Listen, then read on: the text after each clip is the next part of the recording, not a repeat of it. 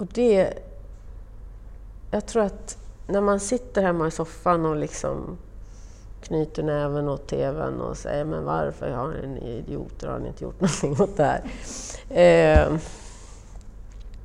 så på ett sätt är ju det sant och rätt och så, men, men alla måste ju vara med och engagera sig och driva frågor. Då händer det.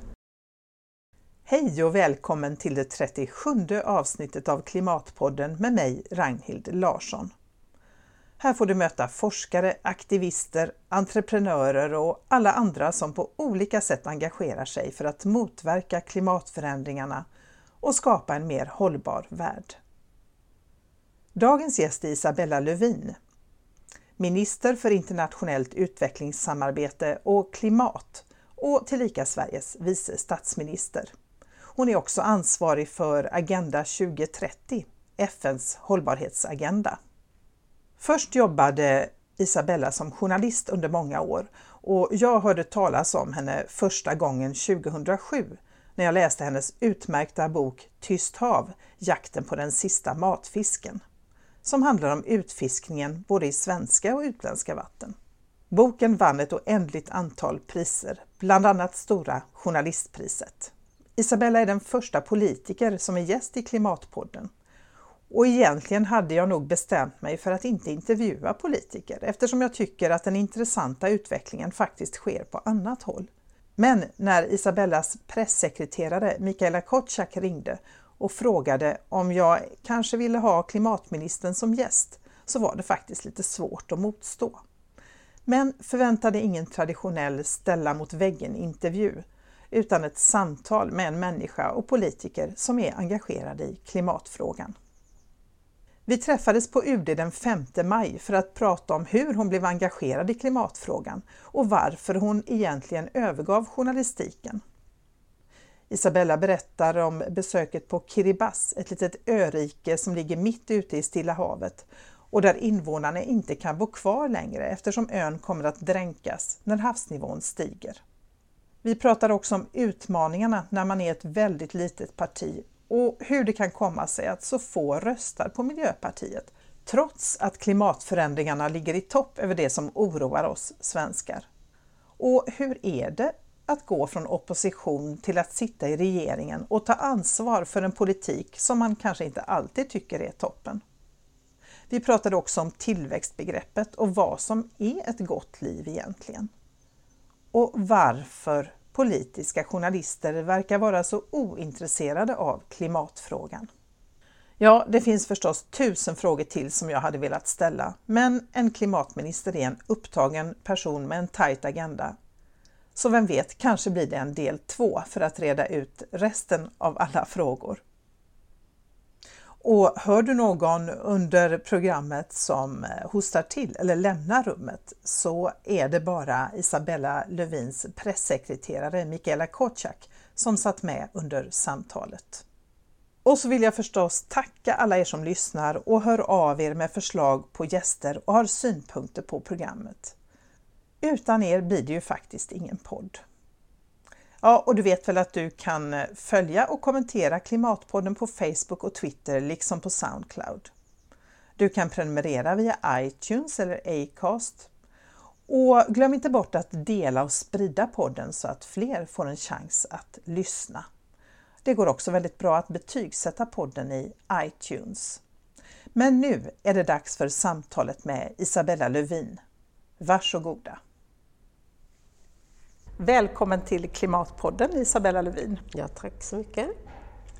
Du blev ju nyligen utsedd till hållbarhetsmäktigast i eh, Sverige av tidningen Aktuell Hållbarhet. Mm. Hur känns det? Ja, men det kändes som en lättnad, för jag tycker ändå att jag är klimatminister och jag är också minister för internationellt utvecklingssamarbete, eller bistånd som vi säger. Och är ansvarig för Agenda 2030 som är FNs hållbarhetsagenda.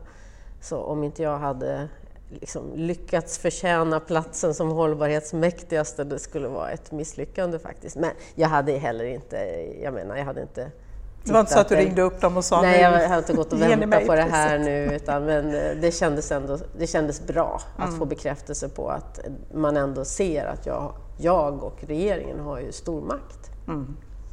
Vi kommer att återkomma till det lite grann. Men jag tänkte börja med att höra, hur väcktes ditt eh, miljö och klimatengagemang?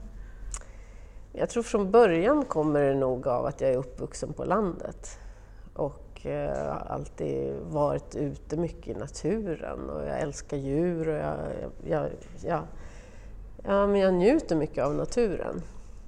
Och det tror jag är en, kanske en sån grundförutsättning för att man också ska bli väldigt upprörd när man märker att eh, vi håller på att förstöra vår jord på så många plan. Eh, och sen fick jag en väldigt, väldigt stark upplevelse när jag läste en bok i 20-årsåldern som jag råkade hitta i en bokhandel som heter Entropi, en ny världsbild av Jeremy Rifkin som är en amerikansk sociolog. Och den boken eh, den handlar ju om termodynamikens eh, första och andra huvudsats och hur vi alltså förbrukar energi och eh, allt mer energi blir obrukbar. Det här är ju som fysikaliska lagar och jag blev så drabbad av detta att det faktiskt inte är så att vi kan ostraffat förstöra och förbruka ändliga naturresurser utan vi har det vi har, vi måste förvalta det och vi, vi måste ta hand om vår jord för att eh, det här det är inte hållbart så som vi, som vi gör. Eh, utifrån den insikten, och jag känner mig väldigt ensam om den insikten faktiskt. För när, när var detta? Ja, det var början på 80-talet när boken kom ut, 83, 84, jag kommer inte ihåg. Eh, och jag kände mig ganska ensam också i, i den här liksom insikten om att så här är det. Um, och det har alltid stört mig att mina medvetna vänner och, och, bekanta har... Alltså på den tiden var de inte alls intresserade av miljöfrågor utan av helt andra frågor, jämställdhet och eh, politiska frågor av, av helt annat slag. Medan jag kände hela tiden att men det här, vi håller på att förstöra vår planet. Um, och, och den, den övertygelsen och den, den känslan har jag alltid burit med mig. Sen blev det ju eh, akut när jag fick barn. Jag kände att nej, men nu måste jag göra någonting. Då lyckades jag övertala en redaktör på Expressen att jag skulle få skriva en, en särskild spalt eh, om miljöfrågor som heter Gröna söndag. Fint! Ja. ja. Och vad handlade den om? Vad var det för det saker var, du tog upp där? Ja, det var väldigt mycket konsumentinriktat. Eh, vad kan du själv göra som konsument för att eh minska miljöpåverkan och också hur kan du ställa krav på producenterna? Och det var precis i den där vevan när det var väldigt mycket viktiga saker som hände när tvättmedelstillverkarna helt plötsligt tog bort fosfaten. Eh, papperstillverkarna slutade bleka med klor. Eh, kylskåpen gick från ett köldmedium till ett annat, man tog bort freoner. Och det var ju mycket konsumenttrycket som gjorde det där. Eh, så Eh, ja, jag skrev mycket om det och uppmuntrade folk att skriva till producenter och klaga och så. Och det, det, var, det var väldigt uppskattat under ett par år men sen var det någon ny redaktör som tyckte att nu stryker vi det här. Och när gick det upp för dig det här att eh, vi står inför det här klimathotet? Ja, men det var lite senare. Um, det var väl egentligen uh,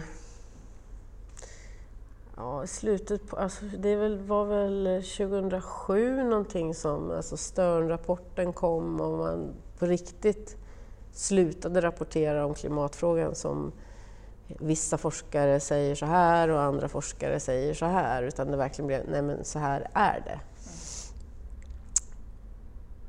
Mm. Um, och då hade jag dessförinnan börjat uh, engagera mig väldigt mycket i haven och i överfiske och illegalt fiske och hur vi håller på att förstöra våra hav. Så klimatfrågan, den, den såg jag då och ganska länge som att det är så många andra som jobbar med den frågan så att eh, den, den, den är omhändertagen. Den löser de? Ja, vi är lite arbetsfördelning. Ja. Eh, så att jag ägnar mig åt det här med fiske och överfiske och haven. Och, men nu så ser jag ju också att frågorna hänger ihop. Och eh, klimatförändringarna påverkar våra hav väldigt dramatiskt. Och haven är ju planetens eh, stora temperaturregulator och blodomlopp. Och i och med att vi, haven nu har absorberat så mycket koldioxid Ehm, och värms upp samtidigt så ser man att vi börjar närma oss en gräns där haven inte förmår absorbera mer. Det kommer att ha väldigt stora effekter på eh, ja, hastigheten i, i hur, ppm och hur mycket koldioxid vi ser i atmosfären. Eh, det, det, är troligt, men sen också vad händer med haven med, med all den här försurningen som orsakas av att, man, att de absorberar koldioxid och uppvärmningen och överfisket och eh, all förorening och plastskräp och allt det som haven utsätts för. Det, det, är så många allvarliga stressorer eller faktorer som påverkar haven samtidigt. Mm. Så det är väldigt, väldigt oroväckande. Um, så att, ja, klimatförändringarna, det vet vi alla, och utsläppen det, det är liksom väldigt långsamma, stora, gigantiska processer och hur vi ska minska utsläppen. Och jag känner fortfarande att det är otroligt viktigt att vi ska kunna åtgärda så mycket vi kan för att minska stressen på haven. Det är de saker vi kan göra någonting åt. Stoppa överfisket. Mm. Alltså vi kan göra det. Det är ingenting som liksom ska behöva ta hundra år. Nej. Eh, vi ska kunna övervaka fartygen, vi ska kunna hjälpa utvecklingsländerna så att de kan bevaka också sina sina vatten och, och, och så. Plastskräp och, och, den enorma ansamling utav eh, bråte och skräp som nu kommer ut i våra hav, det måste vi också kunna stoppa vid källan. Och klimatförändringarna, där, eh, ja, där måste vi ju verkligen vända det här nu och, och ställa om vi behöver ställa om till en, en bättre värld. Ja, det börjar ju bli väldigt bråttom. Mm. Vad är du mest oroad över när det gäller klimatförändringarna? Ja, det är oerhört mycket faktiskt. Ja, mest oroad är jag nog över effekten det har på fattiga länder. Och där ser man ju redan nu effekterna. Att eh, Afrikas horn har en enorm torka, extrem torka för tredje året i rad. Och länder som är i konflikt eller försöker liksom ta sig upp ur, ur, ur konflikt och fattigdom nu dessutom utsätts för stressen för extrem torka, extrema väderhändelser. Havsnivån som, som höjs och som kommer att tvinga människor att behöva lämna sina hem. Var ska de ta vägen? Det är miljoner människor, det är cirka 20 miljoner människor i Bangladesh till exempel som lever på ett område som är väldigt, väldigt lågt över havsytan och som förmodligen kommer läggas under havet till 2050. Miljoner människor, var, var ska de ta vägen? Mm, vad, kom, vad kommer att hända? Och antalet flyktingar, tänker jag, klimatflyktingar, kommer ju att bli fler och fler också då. Och nu är vi ganska bekymrade över de flyktingar vi har nu som kanske är bara en liten, liten del då av vad vi kommer att få se. Mm. Jag besökte ju, bara för att se med mina egna ögon eh, påverkan på, på utsatta människor i Stilla havet så reste vi till det här, ja, det kanske den mest avlägsna punkten man kan komma till på jordklotet som är bebodd mitt ute i Stilla havet, eh, ett litet örike som heter Kiribas. Det stavas Kiribati, men de kallar det, säger Kiribas. Och där bor det 150 000 på några små atollöar som har som högsta punkt över havet fyra meter. Och där, de har redan köpt upp mark på Fiji för att kunna evakuera. Och Eh, man har en politik som går ut på att man ska uppmuntra ungdomarna att lämna öarna. Migration by dignity. Och eh, de, de ser ingen framtid. De har väldigt sådär... Ja, det känns väldigt tragiskt att se liksom, de här projekten som finns. De ska gräva upp korallsand ifrån eh, atollens havsbotten och försöka bygga murar och försöka lägga på, på de här öarna lite, lite mer sand och lite mer land.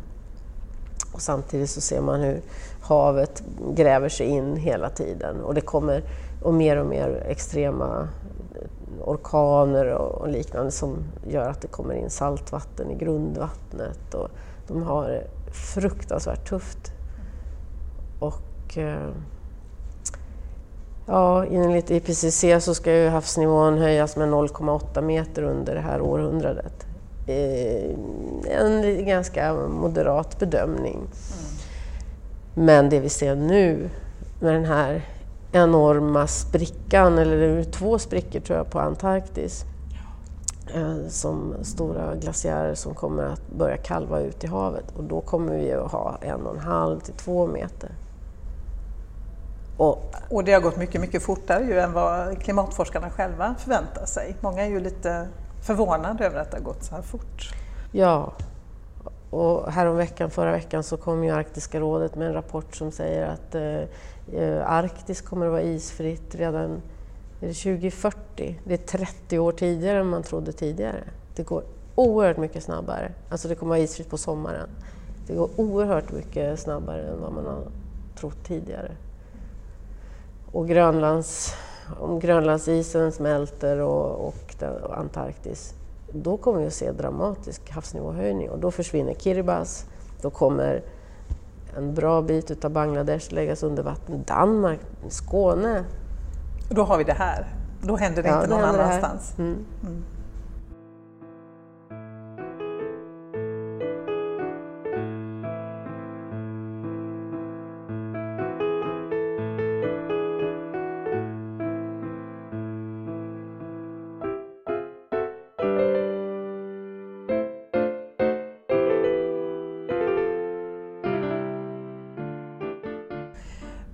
Jag tänkte backa lite bara och höra, du eh, lämnade ju journalistiken för att engagera dig politiskt. Mm. Eh, jag menar, du hade ju ganska stora framgångar där med, som du skrev den här boken Tyst hav om utfiskningen och så och vann alla möjliga priser för den. Ju. Mm. Vad var det som ändå fick dig att lämna journalistiken när det gick så bra för att engagera dig politiskt? Ja, det var, det var ju ingenting jag sökte. Eh, när jag var jätteglad och nöjd och stolt över mig själv när jag äntligen hade uppnått min kanske hetaste dröm, det vill säga skriva en bok och dessutom att den blev så, så hyllad och prisbelönt och jag fick stora journalistpriser. Jag tror att alla journalister drömmer om att få stora journalistpriser. Absolut. och, och jag fick det. Och i, efter det så fick jag ju väldigt mycket erbjudanden att, att göra olika saker.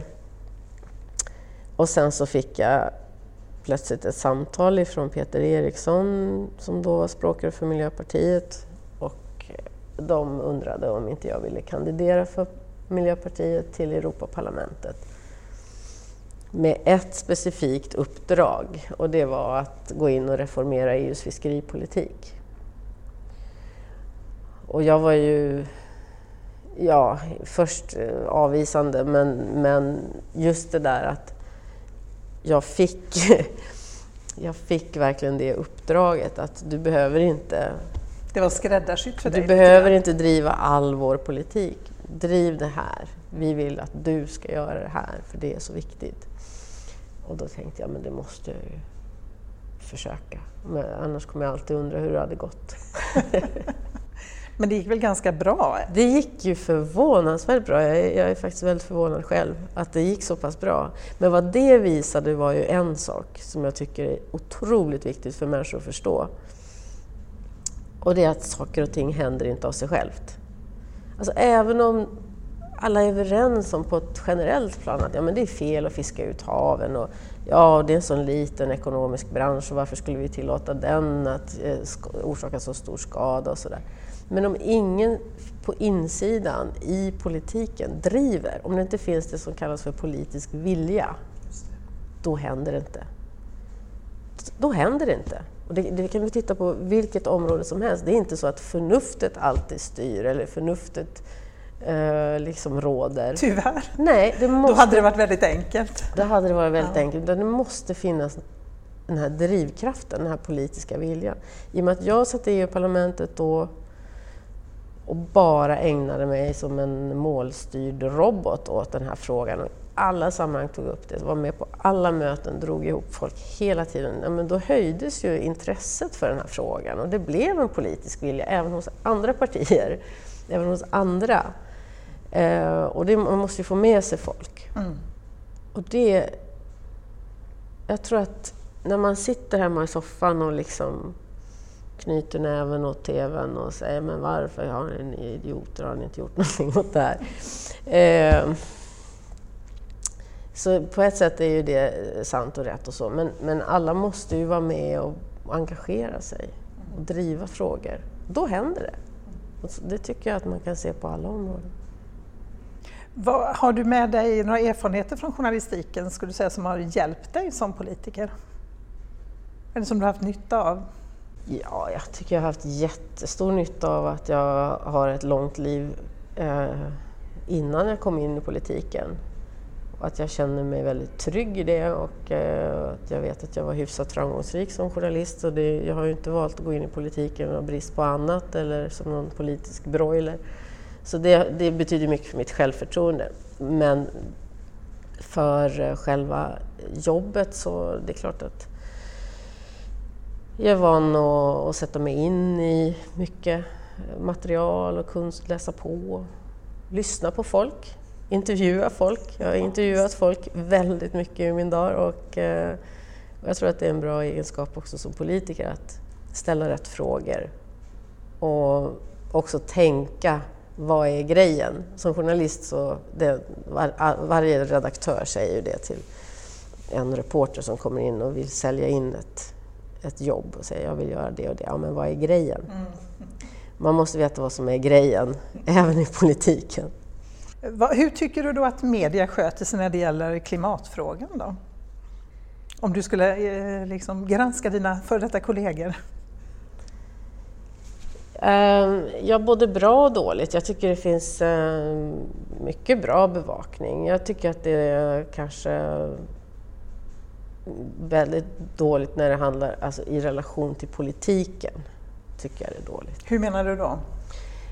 Eh, det, är inte, det uppfattas inte av politiska journalister som en intressant fråga. Och man reducerar det ofta till någonting väldigt tråkigt, en plånboksfråga, det kan handla om bensinskatten. Um, ofta nu ska vi prata klimatet här. Ja, ni vill höja, klimat, ni vill höja bensinskatten och ni säger att det här dödar landsbygden. Varsågod och fightas. Alltså det, den här mer långsiktiga analysen av att vi måste ställa om vårt samhälle och vad det betyder för politiken och vad det betyder för det ansvar vi som politiker måste ta. Där tycker inte jag att eh, ledarskribenter och den politiska journalistiken hänger med.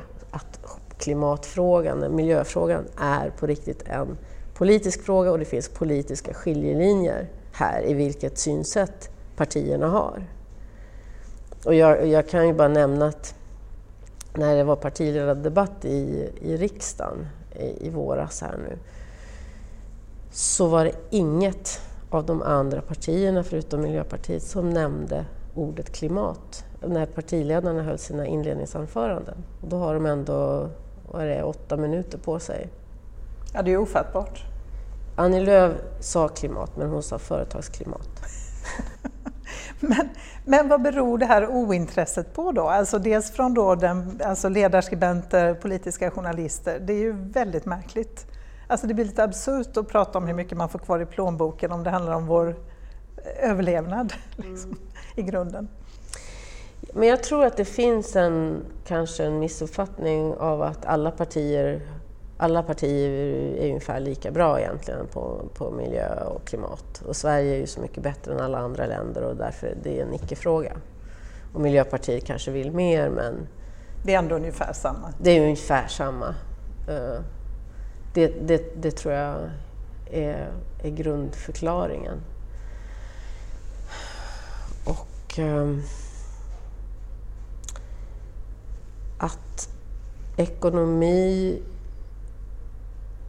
så som det beskrivs på näringslivssidor och i, i, ehm, ja, i affärspress och, och den den bilden av vad det är som egentligen är viktigt, den sitter så hårt. Och att vi fortfarande styrs i, i det som betraktas som rationella och kloka överväganden i, i det som är en kvartalsekonomi eller det som är väldigt mycket ja, gammaldags sätt att se på vad som är framgång och fra, utveckling, positiv utveckling. Mm. Och tillväxt. Och tillväxt. Och ska vi, ska vi klara av att göra en omställning, ska vi klara av att göra de här tekniksprången som måste göras, när man kanske måste ha, förutsättningar för stålindustrin att ställa om så att man slutar göra kol med, med eh, eller göra stål med, där man förbränner kol. Då måste ju både industrin och, och forskningen och alla har klart för sig att det är hit vi ska. Vi måste ha de här långsiktiga spelreglerna. Mm. Um, och, och det är ju en politisk... Det är precis en politisk fråga, det är en fråga om politisk vilja. Och om alla bara tittar på de här kortsiktiga frågorna och, och debatterna och försöka och, och stirra hela tiden på opinionssiffrorna, då, då kommer man aldrig att, ge de där förutsättningarna för industrin och för den stora omställningen, den här helt nödvändiga och positiva omställning som vi, vi faktiskt kommer att kunna klara av, bara vi kan sätta målen lite längre bort än till nästa val. Mm. Men du, du tror det? Du tror att om vi bara bestämmer oss så kan vi fixa det här? Ja, jag, jag, jag, är helt säker på att vi kan ha en fossilfri ekonomi. Sen om det räcker för att hindra dramatiska effekter av, av växthuseffekten, det är jag inte lika säker på. För det har gått ganska långt redan. Mm. Och det finns ju sådana här tipping points eller sådana ja, punkter där det inte går riktigt att, eh, att stoppa utvecklingen och, och, då måste vi ju rusta oss för att också vara så motståndskraftiga och anpassa oss efter de förväntade effekterna utav det.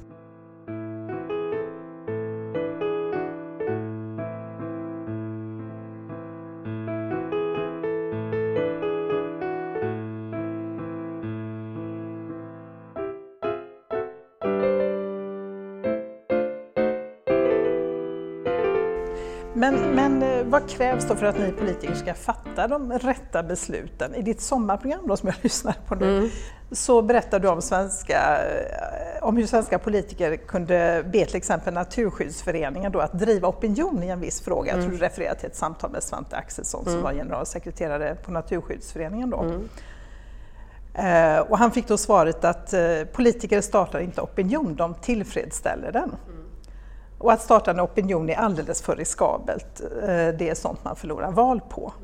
Så vågar du driva opinion skulle du säga i klimatfrågan?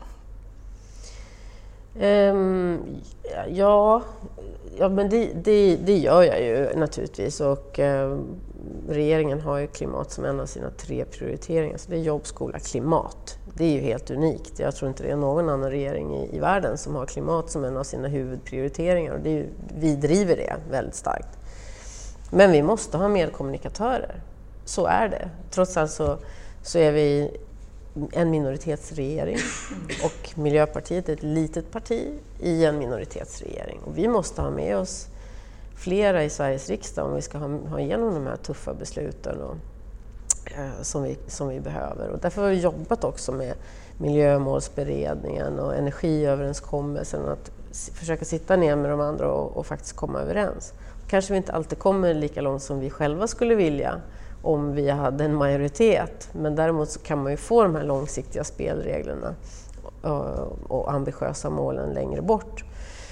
Och det ska jag verkligen understryka, när jag reser runt i världen, och det gör jag ganska mycket då som klimatminister, så får vi ju ta emot enorm beundran för att vi har de här breda partipolitiska överenskommelserna om att Sverige ska ner på netto nollutsläpp 2045, att vi ska ha 100% förnybar energi 2040.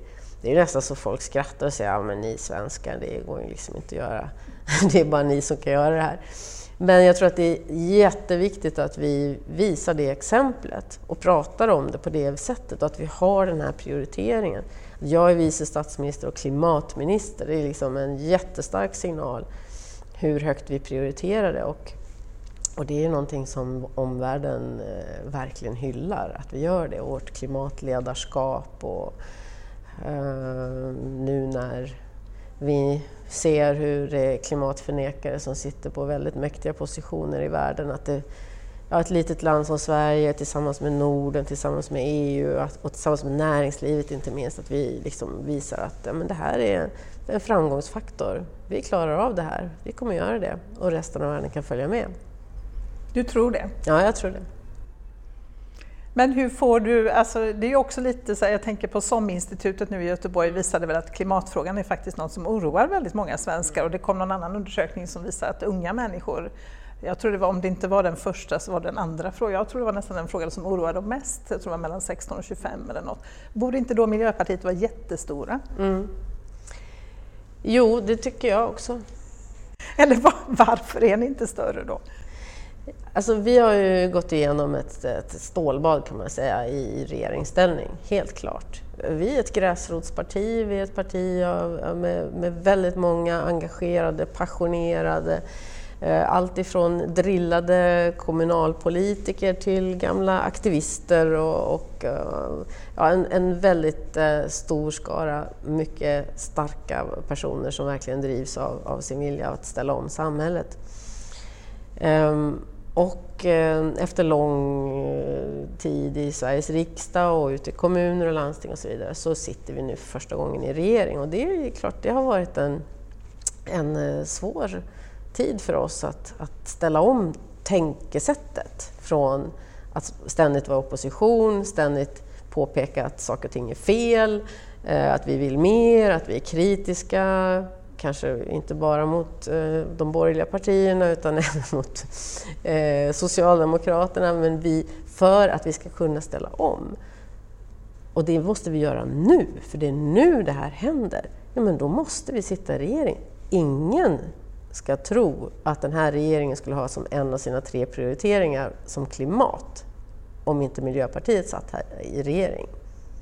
Vi hade inte haft en miljömålsberedning som hade fått i uppdrag att sätta långsiktiga mål om en klimatlag och när vi ska vara nere på noll och, och, och det här eh, väldigt, väldigt ambitiösa målet på 2045 om inte Miljöpartiet hade suttit i regering. Möter ni mycket motstånd då? Är det svårt att få igenom de här? Ja men det krävs... Uh, nej, alltså ja, både ja och nej. Alltså det är klart, vi hade gärna varit ännu mer ambitiösa. Alltså det är klart, där finns ju alltid en besvikelse över att vi inte kom ännu längre, att vi inte gör det ännu snabbare, att vi inte kan satsa ännu mer på tågen och vi kan göra det ännu snabbare. Men det, det, det här är ju också politik och samhällsbygge, det är ju ett hantverk. Eh, och får man inte med sig människor så är det inte långsiktigt hållbart heller. Vi tvingas ju också inse massa saker som att det, det går inte att proppa ut hur mycket pengar som helst i systemet om det inte liksom finns eh, ja, går att ta, som hand och när det gäller planering av, av järnvägen och allting som måste följa med och sådär. Så det, eh, vi lär oss att vara regeringsdugliga och eh, jag tycker att eh, det var någon som sa, jag tycker det var väldigt fint sagt, att eh, väljarna ska vara väldigt glada att Miljöpartiet gör den här resan nu och lär sig att bli ett regeringsdugligt parti. För det är ytterligare ett parti nu i Sveriges riksdag som har den här erfarenheten och som vi visar att vi klarar av det. Och vi har eh, x antal borgerliga partier och Socialdemokraterna som har gjort det i alla tider. Nu har vi också Miljöpartiet som kan visa Precis som våra systerpartier i Tyskland och Finland eh, och en del andra länder som också har kunnat gå in i regeringsställning. Precis som vi förlorat jättemycket i opinionen eh, ganska snabbt men sen kunna komma tillbaka. De tyska gröna låg också under spärren efter två år i regeringsställning. Sen gjorde de sitt bästa val. Så det är de du har som förebild nu då? Tänker på att när, det, när ni får dåliga opinionssiffror? Ja men absolut. Men för jag tänker det finns ju ganska många besvikna då väljare till er ute i landet som, eh, jag menar med Vattenfall och ja det har varit lite olika sådana här saker. Mm. Så vad, vad säger du till dem då? Ja men jag kan hålla med om att vi har varit väldigt osmidiga i ja, de budskap som signalerades under valrörelsen. Vårt främsta vallöfte det var att vi ska införa en ny klimatlag och klimatramverk och det gör vi nu. Mm. Eh, att vi skulle inte sälja Vattenfalls eh, kolgruvor, det fanns inte i valmanifestet. Det var, det var bara den där kolbiten som jag tror många kolbiten, kommer ihåg. Kolbiten eh, kom till av, av ja, av fel skäl skulle jag vilja säga. Därför att även vi, om man analyserar vad man kan göra i regeringsställning, så stod det ju klart då att ett statligt ägt bolag, man måste liksom ändra i uppdraget till bolaget om det ska trycka på någon delete-knapp och liksom förstöra sina tillgångar och då måste man ändra i i eh, företagets uppdrag och då måste man ha med sig riksdagen och det kunde ju vi kanske ja, förstått att det, det, är väldigt svårt att få med sig riksdagen på det. Ja. Nu är jag väldigt glad att eh, de, de, nya ägarna har ju nu bestämt att inte öppna en del av de här stora eh, nya kolgruvorna. Och det gör de ju på grund av den tyska energipolitiken och klimatpolitiken. Och det är ju trots ja, det är ju det som styr eh, utvecklingen i Tyskland. Mm.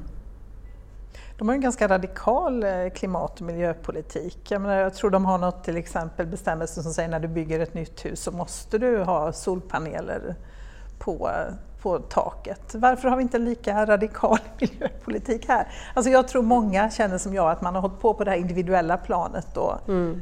Eh, du vet, sopsorterat, handlat ekologiskt, cyklat till jobbet, ja, vad man nu gör. Mm. Men kan ju känna också en väldig otålighet inför att det måste hända mm. saker på den här övergripande nivån. Och mm. att liksom, ja, kom igen nu då! Mm. Ja, nej men vi, vi har ju åttafaldiga stödet till solceller. Vi har tagit bort eh, den här skatteplikten för alla privatpersoner som vill installera. Vi har infört möjlighet att eh, dra på deklarationen, man kan sälja ut eh, el på nätet och så. Så det, vi ser ju en formidabel solcellsexplosion just nu ute i, i hela Sverige. Eh, och försäljningen av solceller har ökat med 100 procent på sex månader, så det, det sker nu.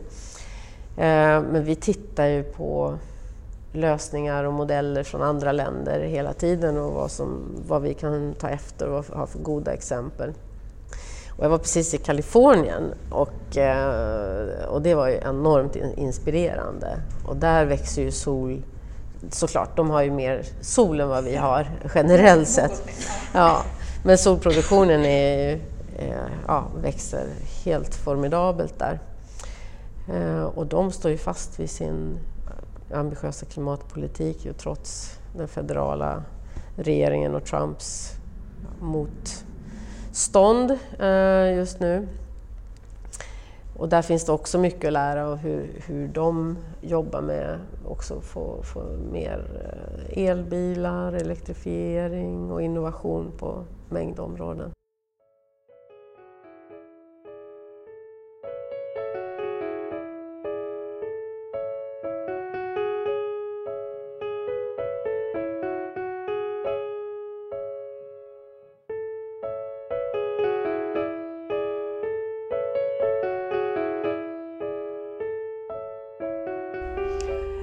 Vad är din förklaring, det här förslaget om flygskatt?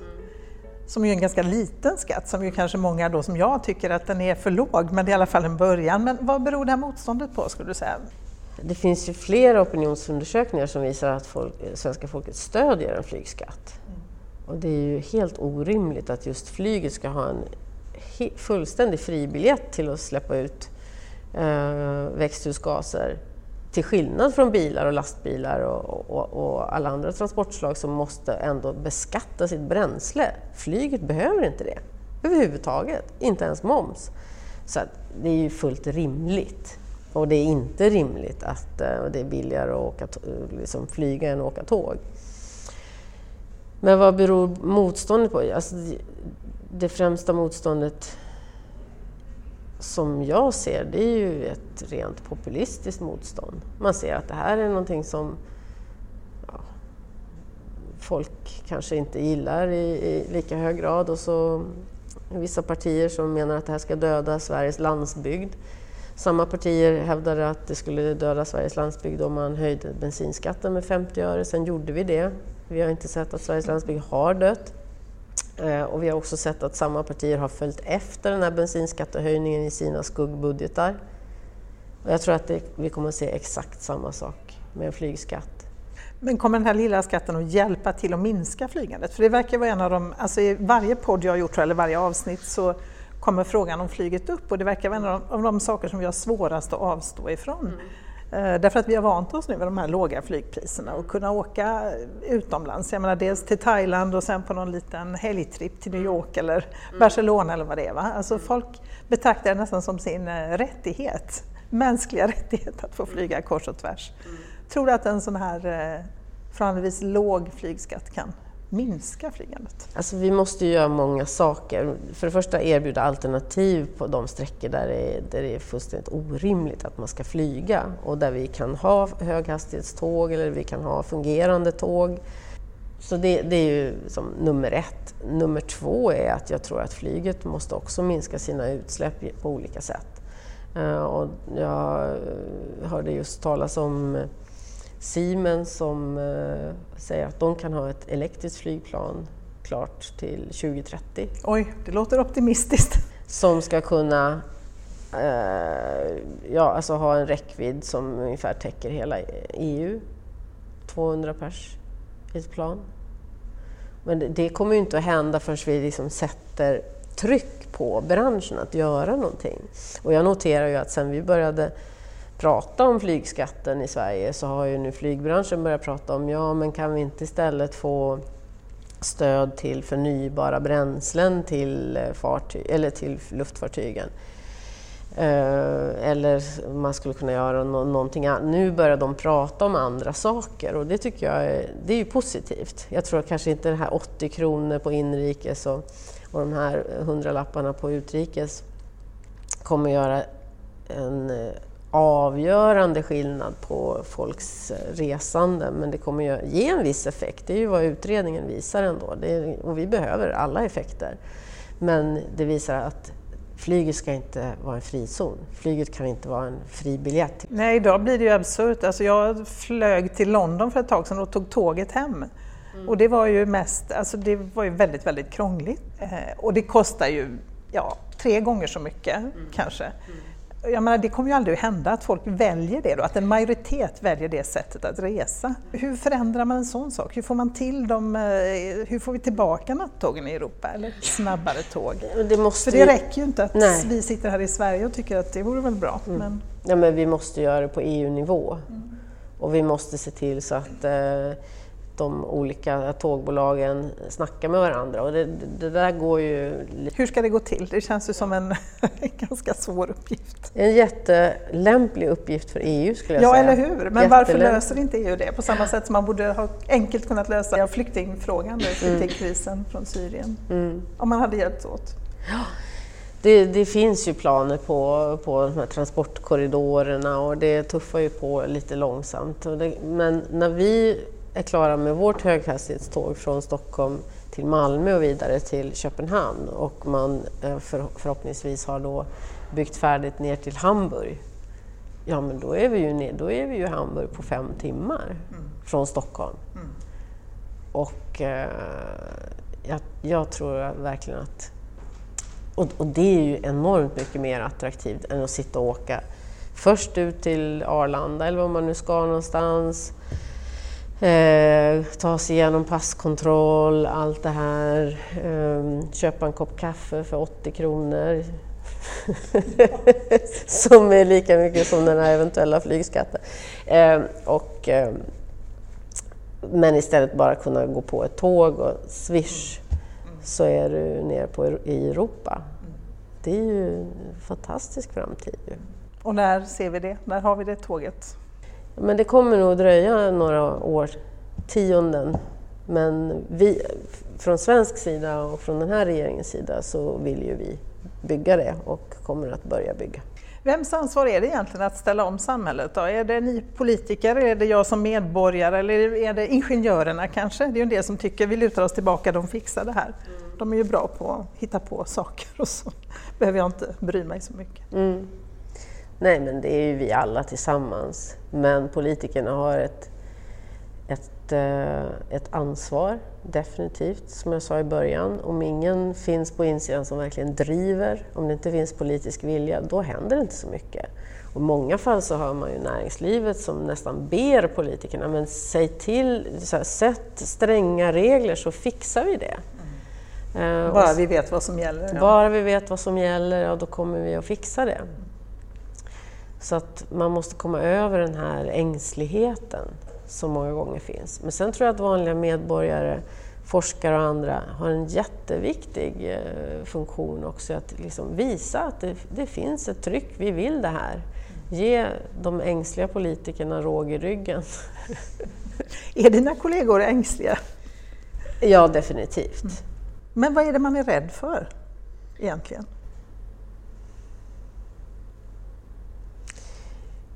Ja... Många av dem är ju rädda för opinionssiffrorna.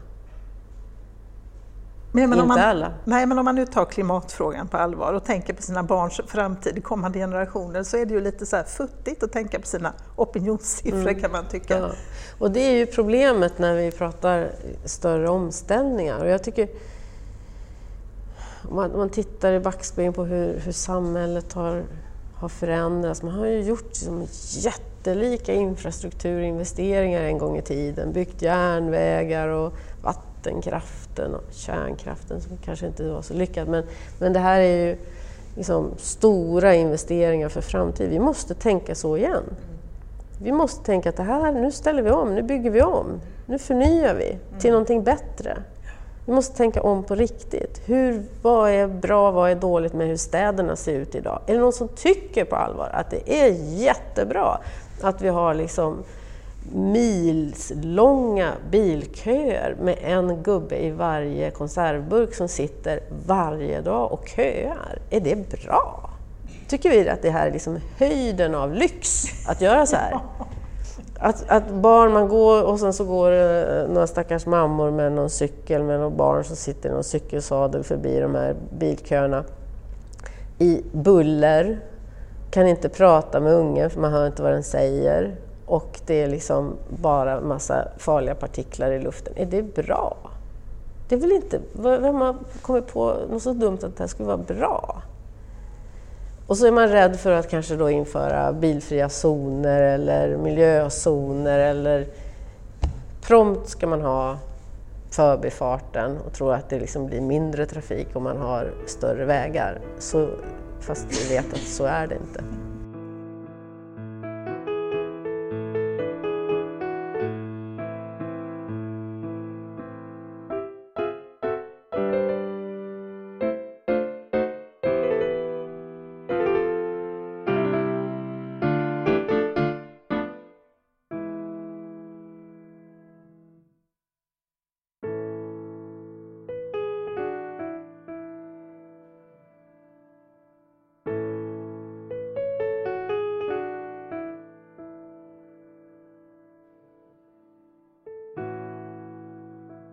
Men du, varför upprättar ni politiker inte en krisplan då? Alltså, jag intervjuade David Jonstad, så han gör ju jämförelser med hur vi lyckades mobilisera samhället under eh, beredskapstiden, under mm. andra världskriget och att det faktiskt, alltså när folk verkligen fattar att nu är det allvar, mm. då går det ganska bra alltså. Mm. Det var inga större problem att mm. få till den förändringen då. Mm. Så jag tänker, varför inte göra samma sak när det gäller klimatfrågan? Men jag tycker vi har kommit ganska långt på nationell nivå, så i Sverige, eh, i den frågan. Men vi har ju väldigt starkt motstånd just nu internationellt. Så är det. Och nu får vi strida igen för att ens liksom nämna Parisavtalet i olika internationella deklarationer. Vilket ju är, det är så absurt så man kan inte ens fatta att det är sant. Nej. Mm. Men det, är ju, det, är ju, det, det här kanske är också de sista rosslande suckarna av det gamla samhället som nu känner sig väldigt hotat.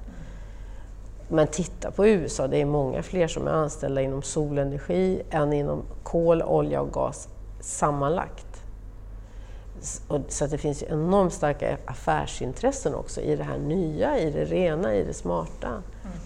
Så bara ur ett rent ekonomiskt perspektiv så ja. är det smart att ställa om? Liksom. Helt klart mm. är det det. Och teknologierna för att ställa om, de finns. Mm. Men det kanske är så att man måste ha lite annorlunda ekonomiska kalkyler, lite längre horisonter på, på eh, avkastningen på sitt investerade kapital. Och då kanske vi också måste ändra i, lite grann i våra ekonomiska system. Och jag på gröna obligationer, gröna investeringsbanker. Man kanske ska, kan ha lite lägre ränta på hållbara investeringar eh, för att gynna dem eh, som kanske har längre tid på sig att komma in med avkastning. Men sen är det ju en revolution om vi pratar förnybar el eh, för privatpersoner. Alltså när vi nu ser fler och fler skaffa solceller. Ehm, vi kommer att få ett helt annat elförsörjningssystem och där känner sig ju de här el, stora elbolagen också osäkra på vad har de för roll i detta och hur ska de kunna spela in i detta om man har mikrogrids och Precis. nät. Man blir mycket mindre lokalt eh, ja. och mycket mindre beroende av de här stora bolagen. Då. Ja. Självförsörjande kanske? Självförsörjande. I utvecklingsländerna är det här en fantastisk mm. möjlighet. Mm. En helt fantastisk, ett sånt tekniksprång, ett sånt språng i utveckling. Mm. Där man går från att inte ha tillgång till elektricitet, en lampa, kunna ladda en mobiltelefon, ingenting, till du är helt självförsörjande. Och då är det, det är liksom en investering, det är att ta dit den där solcellen. Just det. Och sen kanske lite underhåll, men, men istället för att ha dieselaggregat som man har i stora delar av, av utvecklingsvärlden. Mm. Det är fantastiskt. Mm. Jag har intervjuat i ett tidigare avsnitt Trine i Göteborg som är en sån liten startup, så de håller på nu och låter svenskar investera i solcellsprojekt i mm. olika länder i Östafrika. Mm. Det är jättespännande, det är just det här som du pratar om nu. Men vad tänkte jag, tror du att kräver det alltså att, jag tänker som klimatförändringarna på något sätt ställer allting på ända, krävs det en helt ny samhällsmodell? Eller tror du att vi kan fortsätta på den nuvarande liksom modellen och förändra den lite grann? Eller krävs det liksom att vi tänker radikalt nytt?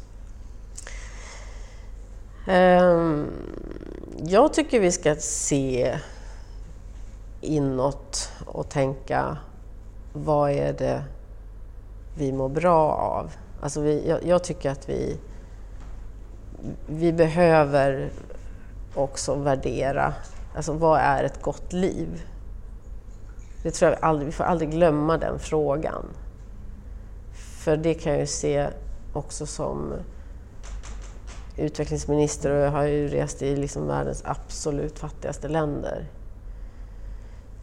Um, och där människor, de, alltså, de, de skulle bli så lyckliga om de fick komma till Sverige, till de absolut mm, mm, knappaste förhållandena i Sverige och uppleva en enorm frihet och, och, och lycka över det.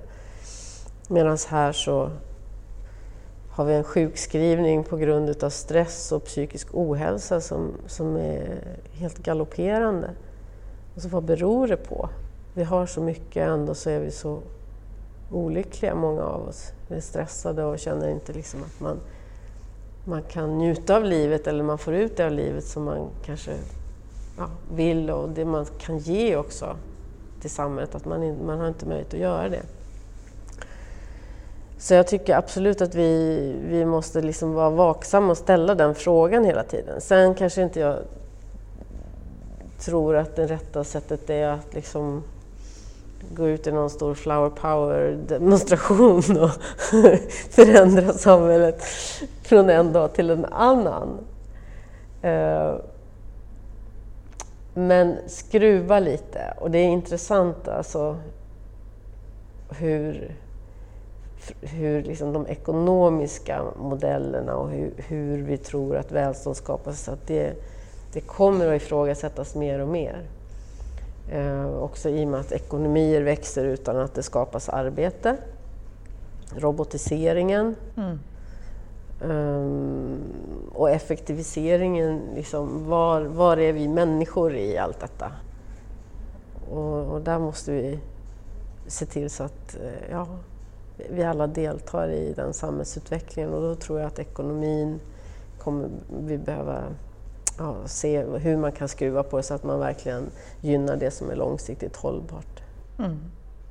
Och då är ju BNP till exempel ett väldigt konstigt mått, mm. vilket du pratar om också ja. i ditt sommarprogram. Ja, men vi har introducerat nya välfärdsmått nu. Just det. Ja, det har vi gjort. Och hur, vilken effekt kommer de att ha? Ja, det är ett första steg för att vi också sen ska kunna börja mäta hur, hur, hur förändrar sig de här. Och då kan man ju ta in det i samhällsdebatten på ett annat och mer seriöst sätt. Det är inte bara BNP utan det är också eh, sjukskrivningar, utbildningsnivå och jämställdhet. Alla de här sakerna som är faktiskt är mätare på ett samhälle, hur, hur bra man mår. Mm. Mm. Skulle du säga sen du blev eh, politiker att eh, du har blivit eh, mer vad ska jag säga, realist eller har du fortfarande samma grundvärderingar eller åsikter som du hade innan du blev politiker? Eller har du blivit mer så här, ja okej, okay, jag hade de där åsikterna men nu, nu, nu har jag insett verkligheten, så här är det? Mm. Ja, men eh, jag får nog säga att jag har lärt mig otroligt mycket på de här sju åren, eller vad är det, åtta åren snart, som jag har varit politiker. Så det, det har ju varit väldigt, väldigt nyttigt och jag, jag, jag känner mig kanske... Ja, men jag förstår mer varför saker och ting inte går så lätt så, som jag ja, men, som man gärna vill förenkla när man, när man står utanför och ser men är de inte kloka? Varför gör de ingenting åt det här? Gör det nu! Gör det nu! Det är bara gör det. Och man tänker att nu som 99 procent av alla forskare säger en sak, varför gör man inte bara som forskarna säger? Vetenskapen, det här är fakta, det är klart och tydligt. Gör det bara! Så. Um, men när man kommer in i politiken så, så förstår man plötsligt var problemen sitter och att det inte det, det funkar inte så. Utan det, man måste ha med sig liksom en majoritet av de som är demokratiskt valda på att göra, den här, göra den här förändringen. Så ingenting sker per automatik. Och så därför måste man kämpa, man måste brinna, man måste jobba, man måste kavla upp ärmarna. Det går inte bara att sitta i soffan och hytta med näven och tro att det de är idioter allihop. Det är ju så Trump har vunnit valet. Mm. För folk liksom är bara missnöjda över politikerna. Varför gör de ingenting? Men jag tror vi måste alla delta i demokratin. Det är enda sättet att, att mota eh, den här liksom bruna vågen vi ser över västvärlden just nu. Bra uppmaning tycker jag. Men jag undrar till sist, bara, vad är det som driver dig? Vad är det som gör att du går till jobbet varje morgon och fortsätter då det här arbetet? Just nu så, så drivs jag väldigt mycket av just den här bruna vågen. Som är brun, både olja och kolfärgad och ja, bruna uniformer som vi inte önskade se komma tillbaka. Så jag ser, jag ser det som väldigt meningsfullt att fortsätta arbeta och göra min min del av jobbet nu när jag har, har chansen att göra det. Um, jag, jag, jag, tänkte ett ögonblick sådär 2015 när, världen, när Parisavtalet var klart, Agenda 2030, den här stora hållbarhetsagendan var klubbad. Så här, men nu kanske det är klart, tänkte jag. Men, eh, och sen kom Brexit och amerikanska valet och så insåg jag att nej, det är inte det. Det är nu vi verkligen måste leverera. Tack så jättemycket Isabella Lövin för att du var gäst i Klimatpodden. Tack ska du ha.